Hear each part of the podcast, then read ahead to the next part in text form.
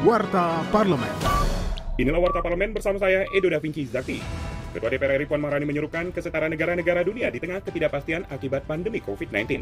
Puan menginginkan setiap negara berkontribusi untuk menjadi solusi penyelesaian permasalahan global.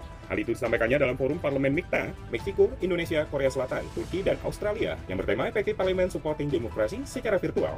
Politisi fraksi PD Perjuangan tersebut berpendapat negara middle power seperti MIKTA memiliki peran konstruktif untuk mendorong perdamaian dan stabilitas global. Puan menilai awal tahun 2022 adalah waktu yang tepat untuk meneguhkan komitmen guna memperbaiki kondisi dunia saat ini. Warta Parlemen.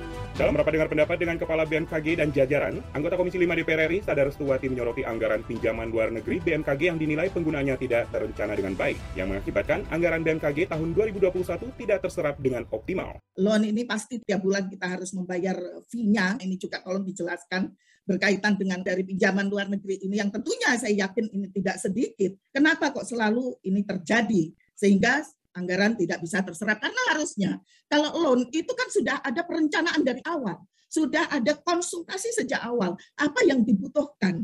Akan tetapi justru ini tidak bisa terserap. Informasi lebih lanjut pantau media sosial DPR RI. Wakil Ketua Komisi 2 DPR RI Samsul Rizal menyampaikan Komisi 2 DPR RI mengajukan pembentukan 20 rancangan undang-undang provinsi sebagai usulan inisiatif DPR. Pada awal pembahasannya terdapat tujuh provinsi, yakni Provinsi Kalimantan Selatan, Kalimantan Barat, Kalimantan Timur, Sulawesi Utara, Sulawesi Tenggara, Sulawesi Selatan, dan Sulawesi Tengah.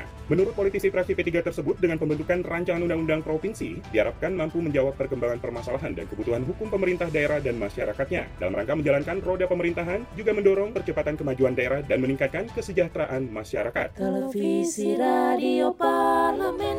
Demikian Warta Parlemen, Produksi TV dan Radio Parlemen. Biro Pemberitaan Parlemen, Sekjen DPR RI.